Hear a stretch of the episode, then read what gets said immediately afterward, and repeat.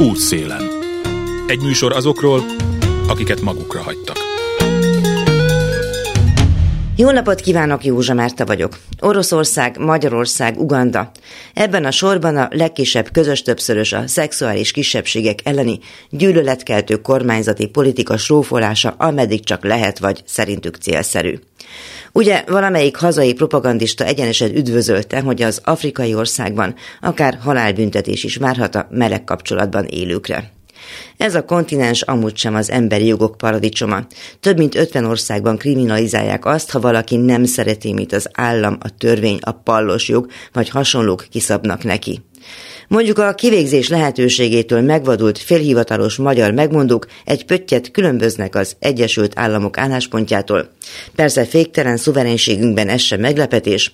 Washington ováció helyett vízumkorlátozással díjazta az ugandai homofób kormánytisztviselők ötletét a nyáron. Bezeg a magyar külügyminiszter nem így tettő 17 millió dolláros fejlesztési programról számolt be Kampalában, az ugandai fővárosban. Szerencsére ezúttal nem mondjuk propaganda tévét, vagy lőszergyárat, vagy szállodaláncot vett nekünk a mi pénzünkből, hanem egészségügyi beruházásokról volt szó. Dicséretes módon egy szívkórházról például, amihez külön ajándékként járt 18 lélegeztetőgép is a hazai sufniból. Tudják abból a bevált típusból, amelyből körülbelül 16 ezer darab porosodik valamelyik titkos hazai raktárban durván három éve. Kínai, maláj és szlovák együttműködéssel sikerült rájuk szert tenni, állítólag némelyikük tökéletesen beválik a horkolás elleni küzdelemben. Nos, bölcs vezéreink ezzel jutalmazták a homofóbiában protagonista ugandai rezsimet. Feltehető azonban, hogy ott sem csak az LMBTQ közösségek nem követik tökéletesen a vezérek előírásait, ahogy nálunk is történt most valami, amit még nem próbáltak megmagyarázni a pártvallási fő ideológikusok. Jelesül a népszámlálási adatokban keresendő a gigszer.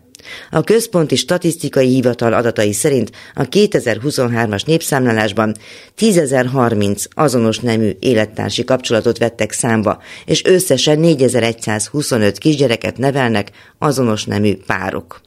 Utóbbi számról annyit, a 2016-os mikronépszámlálás adatai szerint ez akkor még 681 volt, vagyis azóta, és a kormány összes fóliázási szándéka ellenére tekintsük itt most a fóliát a szexuális másságok elleni kirekesztés metafóriájának, szóval durván meghatszorozódott, ha hinni lehet az adatoknak. Ennek persze több oka is lehet. Pál Marci, a szivárvány családok jogaiért küzdő kétgyerekes édesapa szerint van az az új generáció, amelynek tagjai fütyülnek a kormány propagandára. Az is világos, hogy a magyar társadalom korán sem olyan elutasító a meleg polgártársakkal, mint amennyire ezt a korifeusok szeretnék. Még akkor sem, ha ezek az emberek úgy élnek, ahogy a legtöbben szeretünk. Családban, a magánéletünk diszkréciójával, vágyaink szerint gyerekkel vagy anélkül, de ennek eldöntését ránk bízva. Mondjuk az sem lenne rossz, hogyha a törvényhozás és a törvénykezés gyakorlata is követni ezt a társadalmi mintát például megnyugtatóan rendezni a szivárvány családokban élő gyerekek jogait. Szóval csekély vigaz ez a valószínűleg korán sem teljes népszámlálási adat számunkra, döntőképes polgárok számára, de mégiscsak az. A dicsőséges nagyurak talán egyszer szembesülnek azzal is, hogy a polgárok köpönyegéről lepörög a rájuk zúdított szennyvíz. Előbb-utóbb kisüt a nap is, na és mi szokott ilyenkor föltűnni az égen? Bár mondjuk tudok olyan óviról, amelyet éppen szivárványról kereszteltek el valami másra. Nyilván, hogy benefóliázzák őket, gyerekestől, dadusostól. Útszélen. A szíriai Assad rezsim titkos archívumából 27 ezer halára kínzott civilfoglyot ábrázoló fényképeket lopott ki és hozott nyilvánosságra. Még 2014-ben egy katona szökevény, akit a filmben maszkban látunk, Cézár fedőnében ő a katonai rendőrség fotósa volt, és megpróbálták a nemzetközi igazságszolgáltatással valahogy jogorvoslatot szerezni azoknak az áldozatoknak, akiket a szív állam üldözött. Erről szól egy film, amelynek a címe Szíria elveszett lelkei, a Budapesti Nemzetközi Dokumentumfilm Fesztiválon fogunk látni, és ezeknek a filmeknek általában vannak nagykövetei. Ez a nagykövet Parászka Boróka, újságíró kollégám, te vagy. Most éppen Marosvásárhelyen vagy, amikor beszélünk, de gondolom itt leszel majd Budapesten, amikor majd a filmek mennek. Hát nagyon, nagyon remélem, igen. Ha nem bárod, egy kicsit messzebbről indítanék, a múltkorjában a héten a Facebookon egyfolytában fölmerültek, hogy földobta a Facebook algoritmus azokat a fotókat, amelyen cipők láthatók valahol a Mediterráneumban, és amelyek azoknak a fiataloknak a cipői, akik megpróbáltak elmenekülni innen, onnan, amonnan, lényegében az egész földközi tenger egy ilyen menekülő medence. Láttad a képet? Igen, igen, az egy installáció valóban a menekült útvonalon hátrahagyott vagy áldozatok után maradt cipőkről elrendezve, és hát nem véletlenül utal a, a, az európai ember nélkül maradt, gazda nélkül maradt cipők élményére. Amelyet Budapestről is ismerhetünk például. Igen, igen. Mi volt az, amikor a Szíria elveszett lelkei című filmet láttad, ami számodra újdonság volt, tehát amiről esetleg nem tudták korábban? Én ezt elég régóta követem ezt a történetet, úgyhogy nagy meglepetések engem nem értek, de valószínűleg azokat, akik akik a, a szír polgárháborút történetével kevésbé foglalkoznak, vagy, vagy már elfelejtették, az, azoknak fontos lehet megérteni, és ez a drámai egyébként, ha már meglepetést ről beszélünk, hogy engem az sokkol a mai napig, hogy, hogy e, ezek a példátlan események, vagy korszaknyitó, szomorú korszaknyitó események milyen könnyen merülnek feledésbe. Úgy, ugye hát ilyen egy évtizedes, másfél évtizedes eseményekről beszélünk, úgyhogy az egész polgárháború kirobbanása és aztán ezeknek a tömeggyilkosságoknak az elkezdődéséről beszélgetünk, akkor megrázta a világot, nagyon nehezen szivárogtak ki az információk viszonylag, de nagyon sokkolták az embereket, és aztán nagyon-nagyon gyorsan elfelejtették, pedig hát vegyi fegyver bevetése történt, nagyon sok civil áldozat volt, rendkívül brutális leszámolások történtek, városi harcok történtek, olyan városi leszámolások és harcok, amelyeket nagyon régóta nem látott a világ. Tehát azt lehetett volna gondolni akkor, vagy én legalábbis akkor nagyon-nagyon intenzív figyelemmel követtem az eseményeket, hogy itt történik valami felismerés, vagy fordulat, vagy szóval, hogy, hogy, hogy valamilyen mentális határhoz értünk a, a háborús konfliktusokat illetően, és aztán már 2015-ben, tehát egy-két évvel ezek után, az események után lehetett látni, hogy magyarázni kell, hogy miért indulnak meg, meg hogy kicsodák a szírek, és miért vannak annyian. Meg hogy mi történt ott, ugye 2011 Igen. környékéről kezdjük a történetet, arab tavasz, amikor, amikor lázadások történtek az Assad rezsim ellen, és azért, hogy akinek vagy aminek a bűneiről beszélgettünk, az mégis csak az iszlám állam nevű információ? Hát meg a, a, az Assad rezsim. Tehát ez, ez, ez az Assad rezsim tömeggyilkosságai, és, és az, hogy mi az Assad rezsim, vagy hogy milyen kapcsolatban áll Oroszországgal. Erre például a, a film kitér, hogy, hogy a Nemzetközi Bíróság azért nem tudott eljárni, mert Oroszország és Kína megvétózta. Az ENSZ-ben. Igen. Tehát E, e, számomra ez, a, ez a, egyik meglepetés, hogy viszonylag jól dokumentált eseményeket, amelyek kvázi a világ szeme előtt történtek, azokat is nagyon gyorsan elfelejtjük, hiszen ezeket a képeket nagyon hamar kicsempészték, hiszen már onnan kiszivárogtak például a vegyi támadásokról, tehát majd, hogy nem élő egyenes adásban lehetett ezeket látni, és mégis elfelejtettük, és most, hogy történnek az események a gázai évezetben, ahogy zajlik az izraeli háború, most nagyon-nagyon jelentős tanulsága lehet annak, hogy mi az, ami rögzíthető egy ilyen konfliktusban, mi az, ami bizonyítható, mert már akkor a, a, a, a szír polgárháború eseményei alatt lehetett látni, hogy ez nem csak egy emberi, emberáldozatokat követelő, vérrel, rettenetes, brutális halálokkal folyó háború, hanem egy információs háború is azóta rengeteget fejlődött mindenféle szempontból a világ, az információ háború, információs háború is nagyon sokkal kegyetlenebb lett, sokkal rafináltabb lett, úgyhogy érdemes visszamenni ide a gyökerekhez, és, és megnézni, hogy kvázi honnan indultunk. Hát jó, persze az, hogy a háború és hogyan tudósítunk, az mondjuk a, az ilyen posztmodern korban, talán még akár a jugoszláviai háború, arra gondolok, hogy amikor a Mostári hidat úgy bombázták le, hogy azt láthassák a tévében is, de ez nyilván egy másik történet, meg Egyiptom is egy másik történet, az arab tavasz idején, meg Líbia is egy másik történet.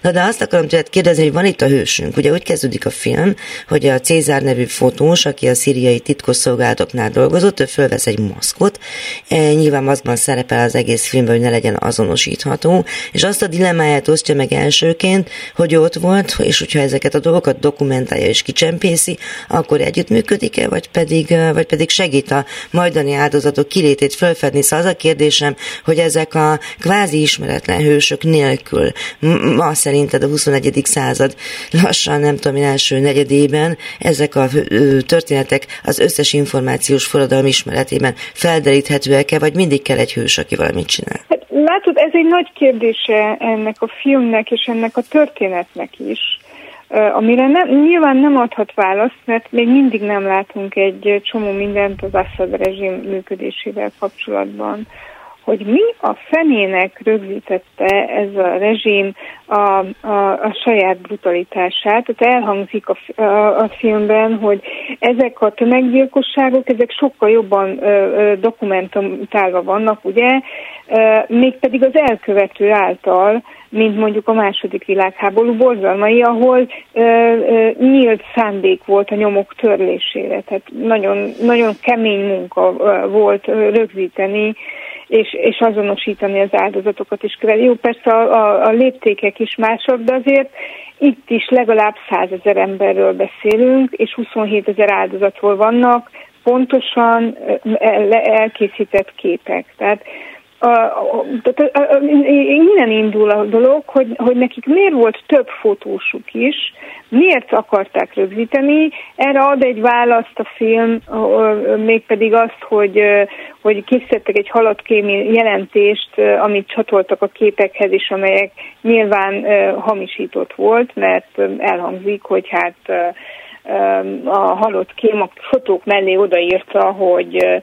hogy vagy hirtelen szívhalállal, vagy fulladással haltak meg az egyébként láthatólag megcsonkolt, brutálisan megvert, nagyon rossz állapotban lévő holtestek egykori ö, tulajdonosai, vagy az emberek, akik ezek a, a testek voltak. Hát igen, meg azért nem is kényeztettek el annyiban a dokumentációval, hogy azért legtöbbször valami számot mellékeltek oda, mint mondjuk a fogoly számát, meg mondjuk, hogy melyik börtönben volt, volt egy csomó ilyen hírhet börtön, például a 248-as.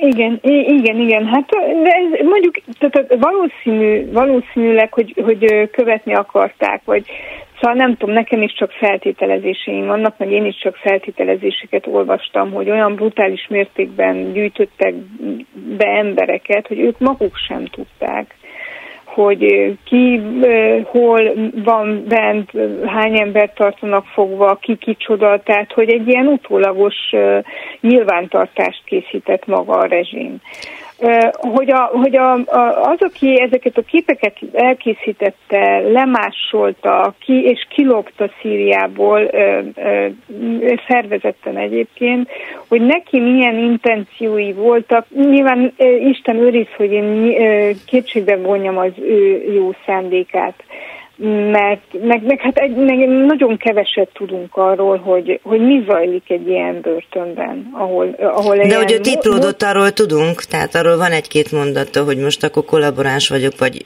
többet használok, ha itt maradok, és megcsinálom. Egyébként Auschwitznak is voltak fotósai, meg operatőrei, tehát... Hogy... Persze, csak nem, nem akarom leegyszerű, tehát hogy, hogy az ön a lényeg, amit nekünk kívülről kéne látni most, hogy ezekben a totalitárius rendszerekben amelyeknek a, a, a, a, az erőszak szervezete és az erőszak rendszere ilyen komplexen működik, nagyon komplex helyzetekbe kerülhetnek az emberek. Tehát itt nem csak arról van szó, hogy, hogy egy magányos hős úgy dönt, hogy szembefordul a, a rendszerrel, és, és akkor a minden racionalitást megtagadva életét hihetetlen kockázatot vállal, és tehát így, ahogy hogy nézem a filmkockákat, hogy hogy történt ez a dolog, hogy éjszakánként becsempész, bent maradt a hivatalba, és lemásolta egyszerű adathordozókra ezeket a képeket, és azután kihozta, és ki tudta hozni az épületből, és egyáltalán másolhatók volt, voltak ezek a képek. Tehát ma már egészen biztosan nem így működik egy információs rendszer. Nem tud valaki egy védett rendszerről adathordozóra másolni és kihozni, ha jót akar magának az a rezsim, és nem akarja szánt szándékkal megosztani ezeket a képeket. Tehát, hogy itt is történt valami, és aztán végighozzák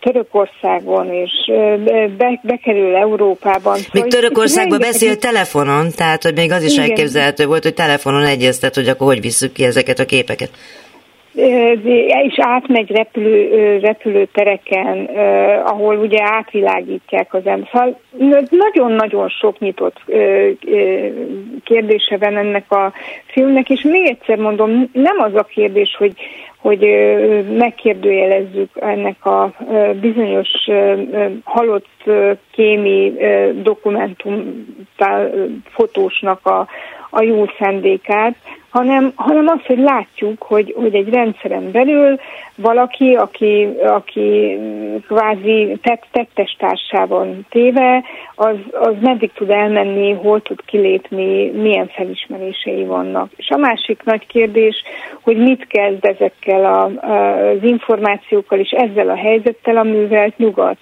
Nagyon drámai ö, ö, helyzete ennek a filmnek, hogy csak azoknak az embereknek az esetében tudnak eljárni, akik kettős állampolgársággal rendelkeznek. Vagy még akkor se. Igen, de hát hogy, tehát jogilag, jogilag azokat az ügyeket tudják felvállalni, ahol van egy másik állam is, aki kvázi a saját állampolgárai ügyében jár el, Szíriával szemben. Ha valakinek nincs kettős állampolgársága, bármilyen dokumentum van is az ő megkínzásáról, kivégzéséről, az őtért jogtalanságokról, akkor az az ügy elveszett. Tehát e, e, ez az egyik dolog, hogy, hogy, hogy akkor mi jut ki egy totalitárius rendszerből, milyen információ jut ki, azt hogy lehet ellenőrizni úgy, hogy, hogy tulajdonképpen nincs belépés, nincs, nincs hozzáférés ezekhez az információkhoz. Nekem van egy, hát nem, hogy mondjam, formailag hasonló élményem. Dolgoztam a török-görög határon, ahol a Alexandropuli nevű városban élt egy korboncnok, azt hiszem, hogy egy-két éve meghalt, aki az Evrosz folyó mentén talált menekült holtestek DNS mintáit gyűjtötte, miután a, ezeket a holtesteket eltemették a görög területen, és és ugyancsak ő baktározta el, vagy archiválta azokat a személyes tárgyakat, amelyek hátra maradtak a menekültektől. Mint például beszél... bármi? Igen, említetted az beszélgetés elején a cipőket. Igen, ezeket, ezeket a DNS mintákat egy svájci bankban őrzik, addig, amíg azonosítani nem lehet, tehát DNS mintavételeken keresztül, hogy kikről van szó. Tehát olyan, olyan el, elhunytakról beszélünk, akikről már másképpen nem lehet megállapítani a személyazonosságukat. És ha megtalálják a családot, akkor ezeket a hátra maradt személyes tárgyakat, és mondom, hogy micsodát, órát, ékszert, ruhadarabokat, cipőket, fényképeket, rengeteg fénykép maradt hátra a menekültektől. Személyiratot nem visz magával, mert, mert nem akarja, hogy nem tudom, a török, a török-görög határon, határon ez nem biztos, hogy segíti az ő tovább menekülését, de nálam vannak a családi fotói például. Uh-huh vagy egyáltalán nincsenek személyi iratai, mert háborús övezetből jön. De nem, vannak, eldobja, hát rengeteg igen, ilyen volt a menekült válság idején is. És, és akkor, akkor hátra marad egy csomó. Tehát ki lehet rakni ilyen, ilyen családi albumokat olyan emberekről a világ másik végéről. Én, én távol-keleti arcokat láttam például ilyen albumgyűjteményeket, Tehát egy egész családfa ki tud rajzolódni, anélkül, hogy tudnánk, hogy egyetlen egy ember is kicsoda, hol él, és milyen köze van az elhunythoz. Na de a legérdekesebb, és ezért mesélem el, hogy külön gyűjtötték a mobiltelefonokból előkerülő adathordozókat, amin rengeteg fotó van.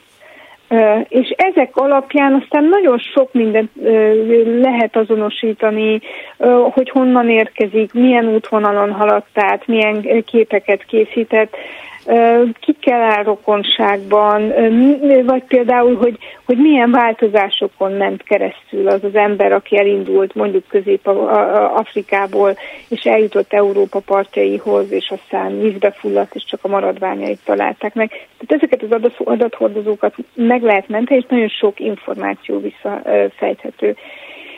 Itt, amikor a Szíriából hoznak ki ilyen képeket, olyan holtestekről, akik felismerhetetlenségig meg vannak csonkítva. Vagy nincs szemük, nincs orruk. Igen, igen, igen, igen. Van egy a, hosszú vita, a... hogy a szemöldökéről fel lehet ismerni, vagy esetleg csak pont a szemöldök az, ami nem hasonlít. Ja, hát igen, igen, igen, ott aztán minden számít, hogy mi megy keresztül, ezek a foglyok ö, nagyon lefogynak, ö, éheztetik őket, ö, különböző fizikai sérülések miatt eltorzul a testük, az arcuk, tehát de, de, de azt látjuk ebből a filmből, hogy elég egy morzsány jel, egy, egy icipici ö, ö, ö, valamilyen ö, információ, és abból már rengeteg minden rekonstruálható. Hát azóta, mióta ez a dokumentumfilm készült, és mióta lejárt ez a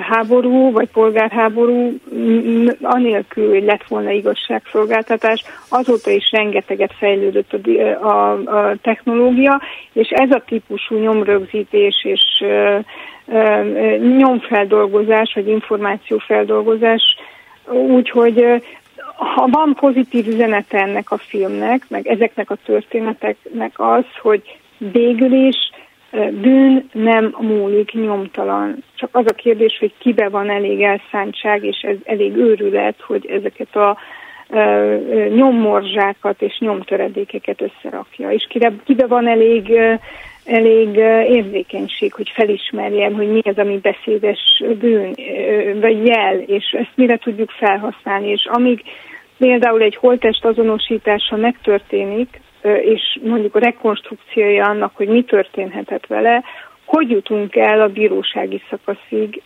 Melyik országba és, a... és milyen bírósághoz? Igen, igen, igen, igen, igen. Tehát hogy ez egy nagyon-nagyon hosszú országokon, rendszereken átívelő történet, és, és az a nagy tanulsága, hogy az, akinek, a, a, aki kellő biztonságban van, és kellő eszközök birtokában van, ahhoz, hogy egy-egy ilyen rekonstrukciós folyamatot megcsináljon, nyomrögzítést megcsináljon. Mondom, nekem egy elementáris élmény volt ennek a korboncoknak, akivel kisztettem, és, és egy eh, interjút annak idején 2015-ben azt hiszem, a, a, a, az, a, az a tisztánlátása, hogy neki milyen felelőssége van eh, ezeknek az egyébként nagyon rossz állapotban lévő mobiltelefonoknak a, a,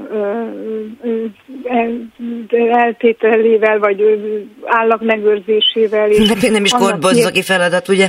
Egy nem, mobiltelefon? Nem, nem, de, nem, de látod, ja, ezt nem is ő végezte el, de, de valahol összefüggést láttam abban, ahogy ő a, ezeket a maradványokat, ugyan ő volt az, aki kiharcolta, hogy például azoknak a holtesteknek az esetében, ahol lehetett azonosítani az identitást, például, hogy mit tudom én, milyen felekezethez tartozott, ott végezzék el a rituális temetést. Most mindegy, hogy milyen felekezetről beszélünk, de kapja meg a megfelelő rituális temetést. Ezek iszonyú fontos, tehát föl, nem fogjuk, hogy, hogy ez, ez hosszú távon milyen fontos, nem csak a, a, a, a, kegyeleti jogok gyakorlása szempontjából, hanem annak a szempontjából, hogy a környezet megértse, hogy az a visszajogtató tárgy, amit a, a folyó mentén találnak, az egy ember holteste, vagy egy maradvány része, vagy egy elhunyt ember hátra maradt egyetlen tárgya, amögött van egy történet, amögött van egy világ, és az a világ, és az a, az a dráma, az a tragédia, az mindenkit érint. Tehát, hogy az az én történetem. Nagy kérdés az, hogy ma túl a szír polgárháború élményén, túl a menekült válságon, túl a menekült válság által kiváltott európai vitán, túl az európai menekült válság utáni politikai válságokon, Mikor hát nem tudom, hogy túl vagyunk-e egyébként, tehát azért ez... De nem, nem, nem, nem, éppen, hogy ezt, tehát egy egyre jobban belekerülünk egy spirálba, és mikor ismerjük fel azt, amit akkor kellett volna megértenünk, hogy ez a mi történetünk. Nem egy uh, szíriai gyümölcsárus vagy te- teherautósofőr története. Aki teljesen hanem... véletlenül csakliznak le az úton, tehát neki annyi köze volt a szír polgárháborúhoz, mint neked vagy nekem, tehát hogy rossz, rossz volt rossz helyen. Ő az egyik áldozat, akiről szó van, csak a hallgatók kedvéért mondom. Igen, tehát hogy hogy, hogy abban az esetben, hogyha lehetséges ebben a globális rendszerben egy, működhet egy olyan rendszer, egy olyan rezsim, amelyik így bánik a polgáraival, és azzal szemben nincs nemzetközi fellépés, akkor az igazságtalanságok láncolata, a dominó előbb-utóbb el fog érni valamilyen formában hozzánk. És ezeknek a dokumentumfilmeknek, meg ezeknek a történeteknek a nagy erénye és na, na, nagy teljesítménye, hogy megmutatja azt a személyes dimenziót, hogy ez hogy, hogy jut el, hogy ez nem mese, nem elmélet, ez előbb-utóbb érinteni fog valamilyen módon ez a láncolat. Mi a túlélőknek, a, mondjuk a családtagoknak, meg az áldozatokat ismerőknek a felelőssége? Mert ugye valószínűleg, hogyha jön egy boncmester, és ugyan azonosítja, hogy a 248-as börtönben az MZ per X nevű ember az ki lehetett, Ahmed vagy nem Ahmed, de ettől még ahhoz, hogy akár Ahmedet is, nem is csak az, hogy eltemessék, hanem hogy fölfeltsék az ő sorsát, tehát hogy kvázi a halála ne legyen olyan teljesen elveszett, szörnyű, borzalmas, egyszerű tragédia, nem hogy szolgáljon valami ami általad az imént említett tanulsággal is, ehhez lelki erővel rendelkező túlélőknek kell lenniük. Hát na, kinek, kinek milyen lelki erő, erőre van szükség? Azért gondoljuk el, hogy az, hogy egy családtag együtt éljen a tudattal, hogy eltűnt a, a, a hozzátartozó, és fogalmam nincs, hogy hol van és mi történt vele. Van is egy ilyen helyzet ebben a ö, ö, filmben, hát nem egy, de egy konkrétan ki is bomlik, hogy keresi valaki a testvérét, a testvérbátyját, és a, a feleség Szíriából ö, sokáig húzza az időt, és nem vallja be, hogy, hogy eltűnt a férje. Ha ilyen kettő is van, akkor is akarok vele beszélni, és akkor vallotta be, hogy azért nem sikerül kapcsolni egy hónapja, mert hogy nincs meg, elburcolták. Tehát a Spany- Spanyolországban élő testvér az, aki kitart, és, és kikényszeríti az információt, hogy, hogy ezt a férfit kvázi ellabolták, fogva tartották, és akkor innentől jön a, a felderítés. De hát azt is meg kell értenünk, hogy miért hallgat az, aki a rendszeren a falon belül van. Mert a saját életét és a gyerekei életét is kockáztatja azzal, hogy beszél. Az is egy rettenetesen fontos jelenete a filmnek, amikor a nyomrögzítők és nyomfeldolgozók és a per előkészülői arról, arról beszélgetnek, hogy hogy maradhat-e Szíriában az, aki érdemi információkkal, vallomással szolgáltat, vagy ki kell onnan hozni, mert ha nem hozzák ki, akkor az ő életét is fenyegetik, illetve kockáztatják, és, és fenyegetik az egész ügynek a, a sikerét. De ha kihozod onnan a, a stabil egzisztenciával, vagy viszonylag stabil egzisztenciával rendelkező adatszolgáltatódat, és elhozod a menekült ellenes hangulattól fuldokló Európában, akkor neki mit tudsz nyújtani? Szóval iszonyú nagy dilemmák vannak, hogy, hogy ne, mit lehet feltárni, hogy lehet feltárni, kit milyen, mire lehet kényszeríteni, vagy mire lehet rávenni. Tényleg, hogy kinek, ki meddig, kinek meddig tart a felelőssége abban, hogy, hogy eltűnt emberek, már nem élő emberek történetét, kegyeleti jogait biztosítsa. És hadd had tegyek hozzá még egy, egy nagyon abszurd történetet ehhez, hogy értsük, hogy, hogy mennyire nehéz viszonyulni ezekhez a történetekhez, hiszen mi békeidőben és béketérben élünk. Nem vagyunk hozzászokva a, a háború sérültekhez, az erőszaknak a nyílt jeleihez, ha bár most az ukrán háború közelségével is ez nagyon furcsán megváltoztatja a, a szír polgárháború perspektíváját is, de azt hiszem, hogy azt is látjuk, hogy az Izraelben zajló háború és az ukrán háború viszonya is milyen furcsa, hogy az emberek egy idő után már nem, nem tudnak arányosítani, meg elveszik az érzékenységüket.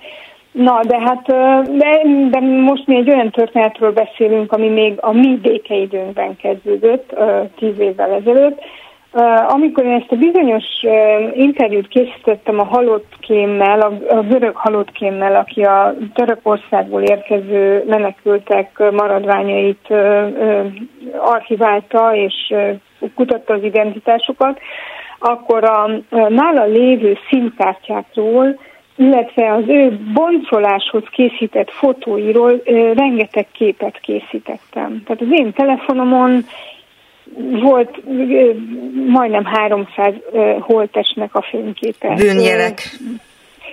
Igen, igen, igen. Tehát, hogy, hogy lássuk azt, hogy, hogy mi történik az európai határokon, és hogy dolgozik egy ilyen korboncnok, és hogy mi történik az emberrel és az emberi testtel amikor ilyen helyzetekbe kerül. Én ezeket lefotóztam, akkor nem is tudtam, hogy mit csinálok, csak azt tudtam, hogy olyan helyzetben vagyok, hogy, hogy ez, ez egy rögzítendő adat, és minél több helyen van rögzítve, annál nagyobb biztonságban van. Bocsáss meg, zárójel, hogy kerültél oda? Tehát úgy értem, hogy hogy kerültél abba a helyzetbe, hogy megbízom benned ez az ember? Hát akkor volt az első áttörés a Macedón határon, de hát ez jóval messzebb van a Macedón határtól a török határvonalon, és én olvastam egy rövid hírt az Al Jazeera oldalán erről a korboncnokról, hogy van egy ilyen. Mert nagyon hálásak voltak azért, hogy a muszlim áldozatokat muszlim rituálé szerint temetik el görög oldalon neki köszönhetően. És akkor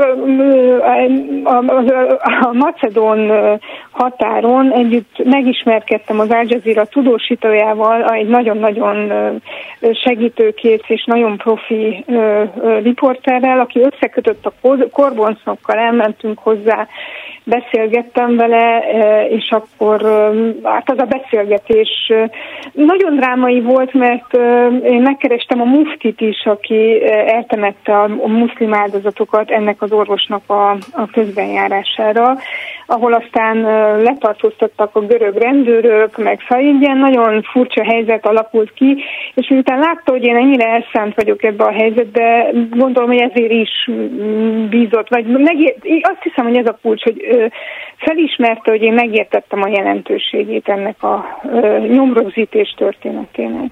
Igen, és ott csaptam és a szabadba, hogy rájöttél ennek a felelősségére, hogy te miket őrzületesen jártál oda. Igen, de hát gyakorlatlan voltam, és akkor itt jött ez a letartóztatós rész, ami egyáltalán nem volt kellemes, akkor úgy mondtam, hogy Európában szokatlanul agresszíven bántak velem és kollégáimmal a hatóságok, ott előállítás, motozás, adathordozók elkobzása, minden megtörtént, ami ilyenkor meg szokott történni. Na a lényeg az, hogy, hogy ezek a képek csak ott maradtak teljesen nem profi módon az én telefonom adathordozóján, mert a franc nem gondolta, hogy, hogy ebből ilyen így lesz, és ők sem, tehát azt nem vizsgálták meg. És én egy, egy ilyen teljesen átlagos telefonon hordoztam ennek a rengeteg embernek a holtestéről szóló készült képeket, és hoztam haza, Romániába érkeztem haza. Igen ám, de a telefonomat itthon ellopták. Szerencsére akkor már, amikor a saját adathordozómat már lemásoltam a gépemre, de a, a SIM-kártya, illetve hát ezen a memóriakártyán a telefonomban ott voltak az eredeti példányok. Mai napig nem tudom, hogy mi történt a telefonnal, de mai napig gondolkozom azon, hogy az a szerencsétlen tolvaj, aki ellopta a telefonomat, és kinyitotta, és meglátta ezeket a képeket, mit gondolhatott magába? Nem tudom, de nagyon, gyöt, nagyon furcsa történet, nagyon gyötör.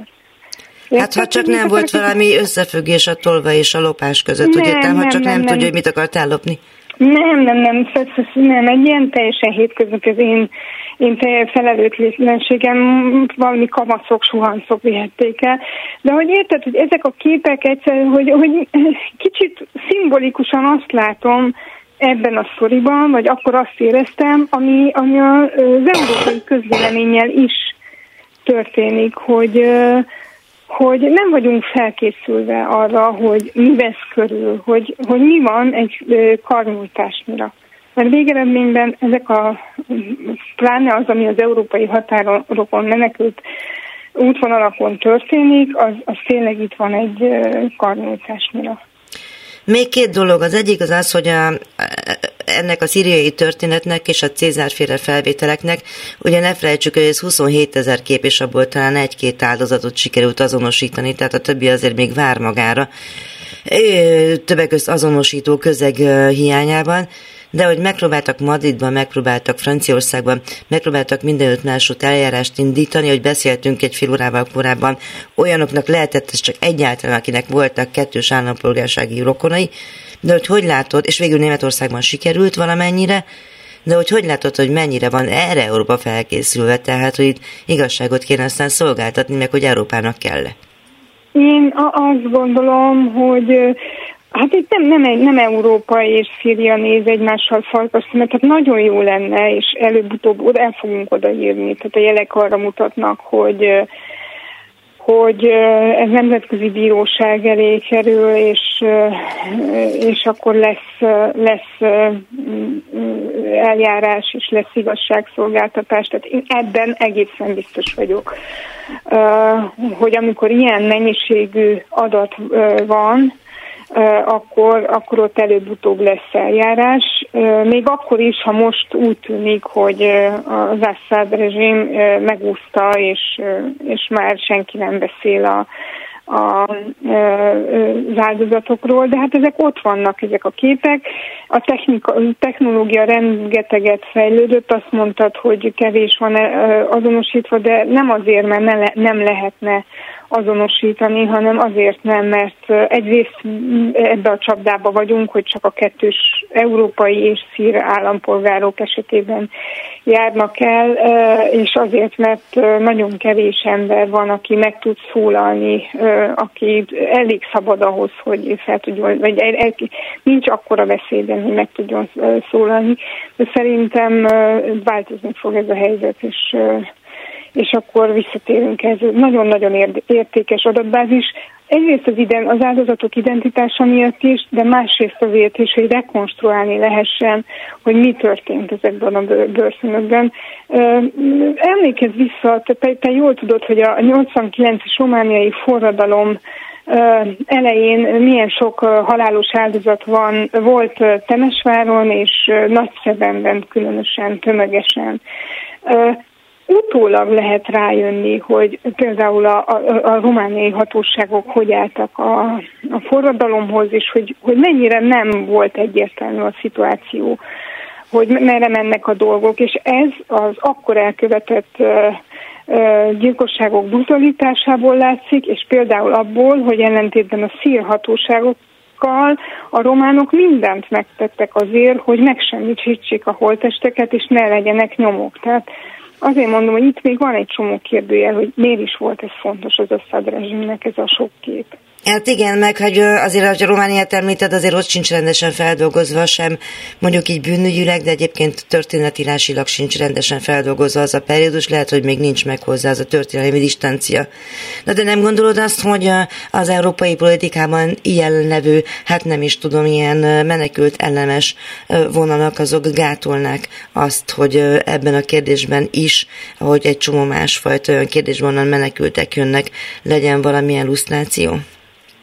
Hát nézd, a, itt most a narratívák háborúját és versenyét látjuk. Az egyik duma az, hogy hát nem kényszerből indulnak meg embertömegek, hanem mert nagyobb kényelembe akarnak élni. Na most pont a szírmenekültek esetében ez az érv, ez azonnal megbukik, ahogy ez az ügy előkerül. Tehát itt azért ezt nagyon, nagyon lehet és kell ezt a, ezeket az, az információkat használni.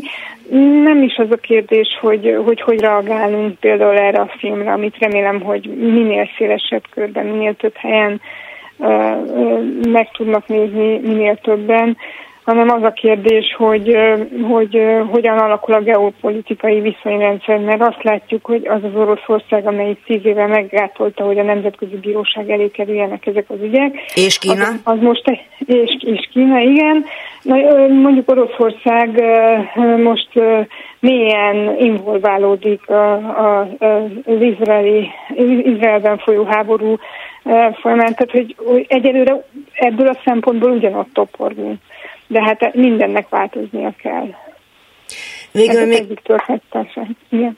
Még egy hát ilyen elméleti kérdés, hogy annak idején a Nürnbergi per után, per után voltak olyan hangok és tanulmányok is születtek, hogy az lenne tulajdonképpen az igazi, ez akkor is előkerült, amikor a Milosevicséket hágába vitték, tehát, hogy akkor lenne valami, hát nemzetközi pernek, vagy bármifajta pernek, vagy a bűnösök elítélésének és az áldozatokkal való szembesítésének hatékonysága, hogyha ezt ott végezni kell, ahol ezek a bűnök történtek, tehát, hogy és te tényleg egy csomó helyen voltál a rohingyáktól elkezdve, nem tudom én a görög-török határon át, hogy hogy látod, hogy odáig el tudunk-e jutni, hogy saját maguk a bűnösök, vagy a bűnösöket támogatók, vagy egyáltalán ott a helyszínen nézzünk azzal szemben, mi történt.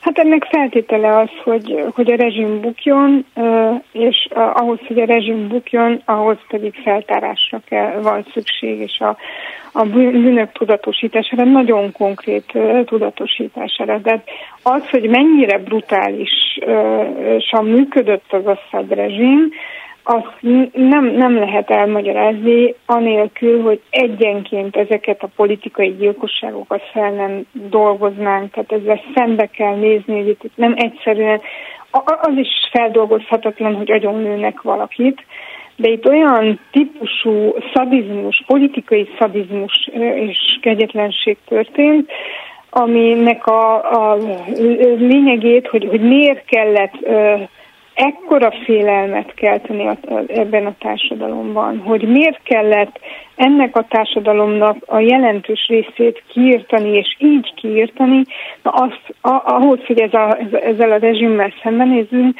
és legyen igazságszolgáltatás, ahhoz ezeket az információkat fel kell dolgozni, és, és, és nincs más választás, mint feldolgozni.